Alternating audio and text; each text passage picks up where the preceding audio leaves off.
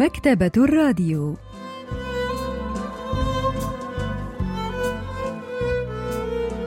أهلا وسهلا بكم في حلقة جديدة من البرنامج الأسبوعي مكتبة الراديو الذي نستعرض من خلاله كتابا جديدا كل أسبوع.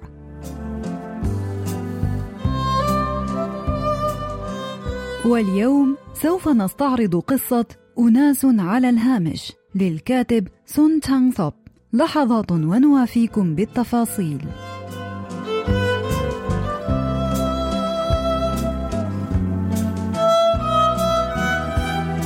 نشرت قصة أناس على الهامش للكاتب سون تانغ ثوب عام 1958 في مجلة ساسانغي الأدبية. وتدور القصة حول ثلاثة جمعتهم الصداقة منذ المرحلة الإعدادية. وهم سو مانكي الوسيم الجذاب الذي يعمل طبيب أسنان والذي يعرف بين أصدقائه بإجادته لحل المشاكل.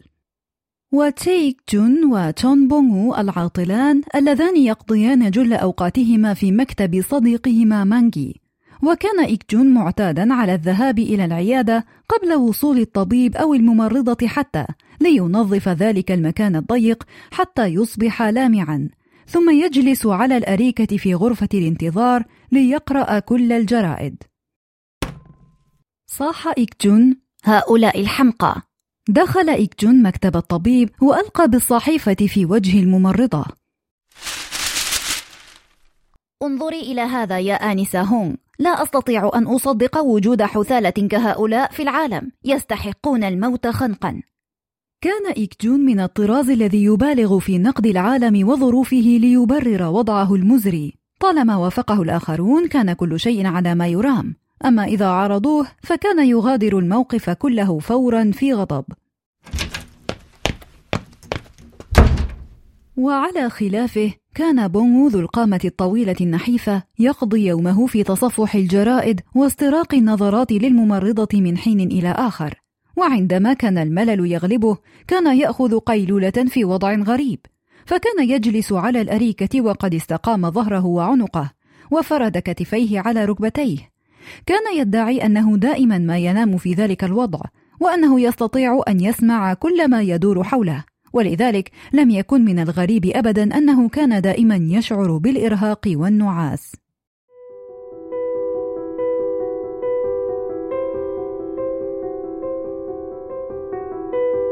كان يلقي باللوم على الحرب الكورية في وضع نومه الغريب. كان قد فشل في الهروب من جيش كوريا الشمالية الغازي وبقى محتجزا في سيول لمدة ثلاثة أشهر. وكان يدعي أنه لم يكن يستطيع أن يحظى بأي نوم عميق هادئ بسبب خوفه من الشيوعيين والغارات الجوية. لم يكن يستطيع أن يسترخي بشكل تام طوال الأربع والعشرين ساعة.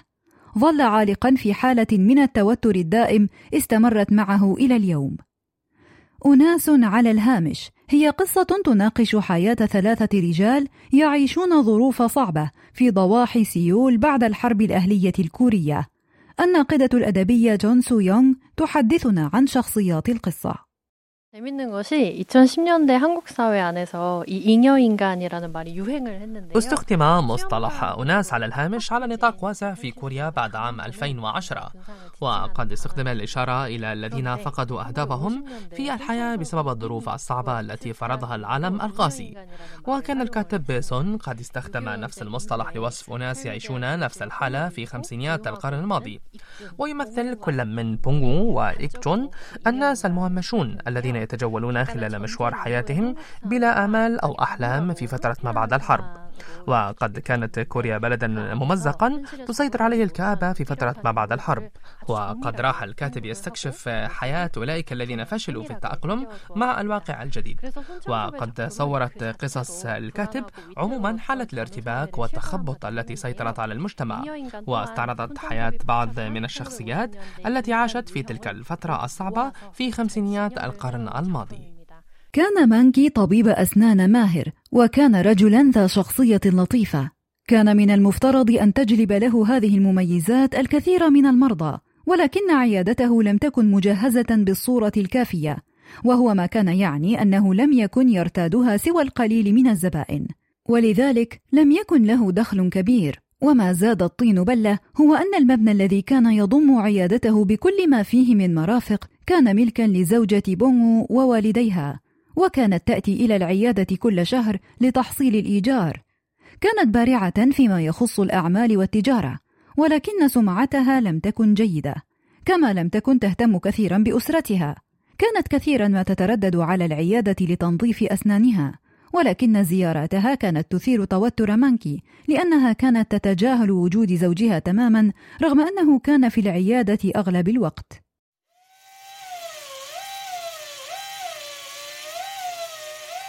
كان هذا ما حدث في المرة الأخيرة التي زارت العيادة لتنظيف أسنانها. كانت تجلس على الكرسي مغمضة العينين ولكنها جذبت طرف ثوب مانكي بخفة وهي تبتسم في خبث دون أن تفتح عينيها. شعر مانكي بالحرج الشديد وحاول أن يزيح يدها ولكنها تمسكت بالثوب أكثر. تحرك مانكي مقتربا منها كي يحجب ما تفعله عن أعين أي ناظر وهو يواصل تنظيف أسنانها.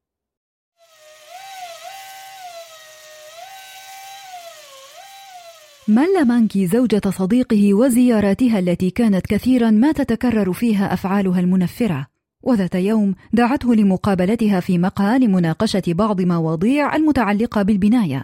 أخبرته أنه يجب أن يدفع إيجار ثلاثة أشهر مقدما لأن البناية يجب أن تخضع لأعمال التجديد والإصلاح. ثم اصطحبته إلى مطعم ألقت عليه فيه اقتراحا عجيبا. قالت إن مهاراتك مهدرة في تلك البناية القديمة ومعداتها المهترئة. أريد أن أبيع هذه البناية وأن أوفر لك أفضل المعدات الممكنة حتى تتمكن من شق طريقك في العمل بنجاح دون الحاجة إلى مساعدة ولن تحتاج إلى دفع أي إيجار لمدة خمسة أو عشرة أعوام. عندما وصل الطعام الذي طلبته راحت تقدمه له وتعتني به وكأنها تقدم الطعام إلى زوجها لم يفهم مانكي ما كانت ترمي إليه بالضبط فشعر بالتوتر الشديد والقلق وكان شعوره في محله.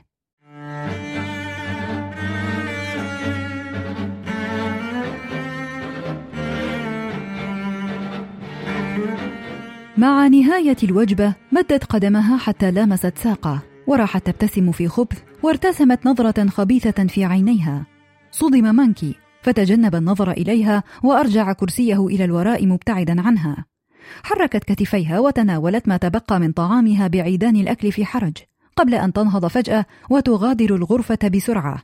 عادت بعد عشر دقائق وأقفلت الباب.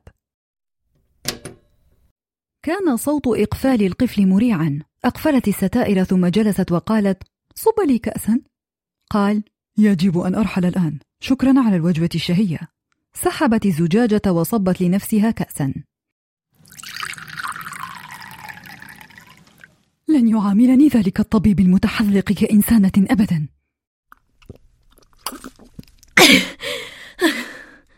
تجرعت عدة كؤوس من الخمر دون أن تتناول شيئا من الطعام.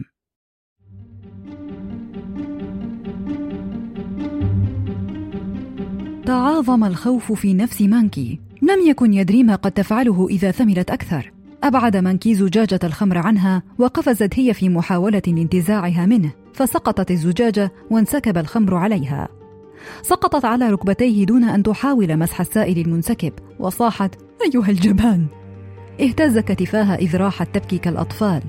وذات يوم زار ابن إيكجون العيادة.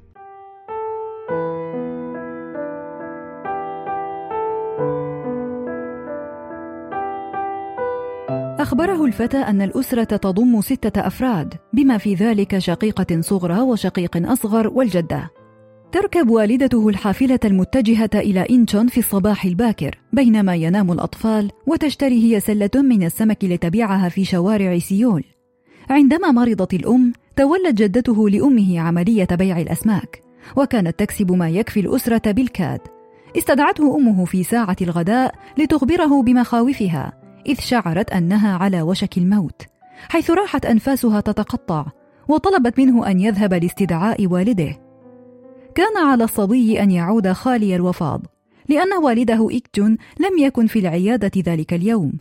شعر مانكي بالقلق على الصبي الهزيل ذي الملابس الرثة وعلى والدته ورغم أنه كان طبيب أسنان لم يكن يستطيع مساعدة أصدقائه. لأنه كان مسؤولا عن الإنفاق على أسرته بالإضافة إلى تحمل تكاليف تعليم أشقائه الأصغر منه. كما أنه اضطر إلى مساعدة أسرة زوجته لمدة ثلاثة أو أربعة أعوام بعد اندلاع الحرب. بعد عدة أيام عاد ابن إيكجون إلى العيادة. سأله مانكي كيف حال والدتك؟ أحنى الصبي رأسه وأخبره أن والدته قد توفيت. وأنه عاجز عن التواصل مع جدته التي خرجت منذ الصباح الباكر لبيع السمك وأنه يجب أن يجد والده بسرعة.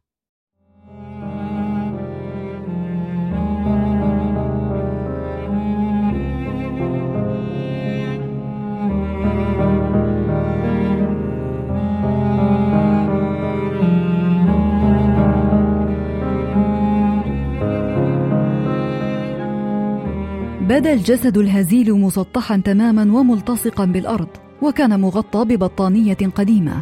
عادت الجدة إلى المنزل في المساء وهي تحمل سلتها الخالية التي تفوح منها رائحة السمك. لم يبدو أنها تأثرت كثيرا بموت ابنتها.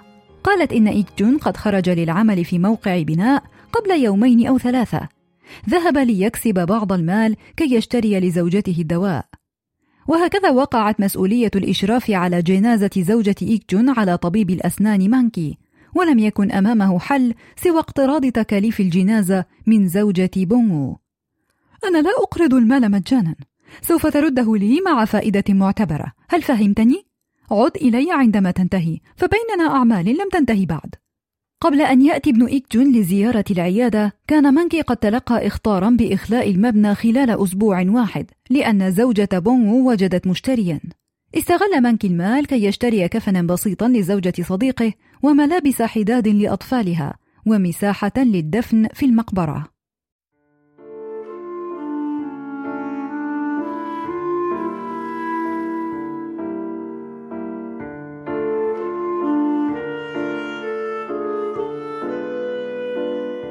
عاد مانكي وأسرة إيكجون من موقع الدفن على الجبل قرب الغروب وترجلوا من السيارة عند مدخل الزقاق المؤدي إلى منزل إيكجون رأوا رجلا في حالة رثة تغطيه الرباطات الطبية يقترب منهم من الجانب الآخر. عرفه الأطفال فورا. أبي. وقف إيكجون في مواجهة مانكي وأسرته التي راحت تحدق فيه مندهشة. بدا أنه أصيب بإصابة ما في رأسه. كان يحمل في إحدى يديه كيس ورقي بدأ أنه يحتوي على أحذية أطفال. تسمر مكانه وهو يتأملهم بوجه خاو وعينين فارغتين من أي تعبير. لم يبدو في وجهه أي إمارات إنسانية. بدا كإنسان حجري. تمتمت والدة زوجته وهي تحملق فيه غضبا. هذا الأحمق عديم النفع. هو من كان يستحق الموت. ترى ماذا حل بالمسؤولين في العالم الآخر؟ هنا فقط دمعت عيناها. أما أطفاله فأقبلوا عليه يحيونه. قالت ابنته الصغرى ذات السنوات السبع وهي تقفز بين ذراعيه أبي لقد حصلت على ثوب جديد وركبت سيارة حتى الجبل. راحت تستعرض ملابس الجنازة الجديدة في فخر. لكن إيكجون ظل متجمدا مكانه وكأنه تحول إلى طوطم. واجه الأصدقاء الثلاثة واقعا بدا كئيبا يائسا. البروفيسور بانغ مين هو أستاذ الأدب الكوري بجامعة سيول الوطنية يحدثنا عن ذلك. 어떻게 보면 이 세 인물 모두가 작가 손창섭이었어요. 전후 사회 속에서 الشخصيات الثلاث كلها تمثل الكاتب سون تشانغ سو. فشخصية بونغو تمثل إنسان عديم النفع لا يجد ما يفعله في مجتمع ما بعد الحرب الأهلية الكورية. ويلاحظ إيكجون التناقضات في المجتمع الكوري وينتقدها ولكن دون فائدة أما مانكي فهو شخص ذو معايير أخلاقية عالية. وكل هذه الشخصيات تمثل جوانب مختلفة من الكاتب. وأظن أن أناس على الهامش هي قصة تتناول ثلاث جوانب من شخصية الكاتب سون تشانغسو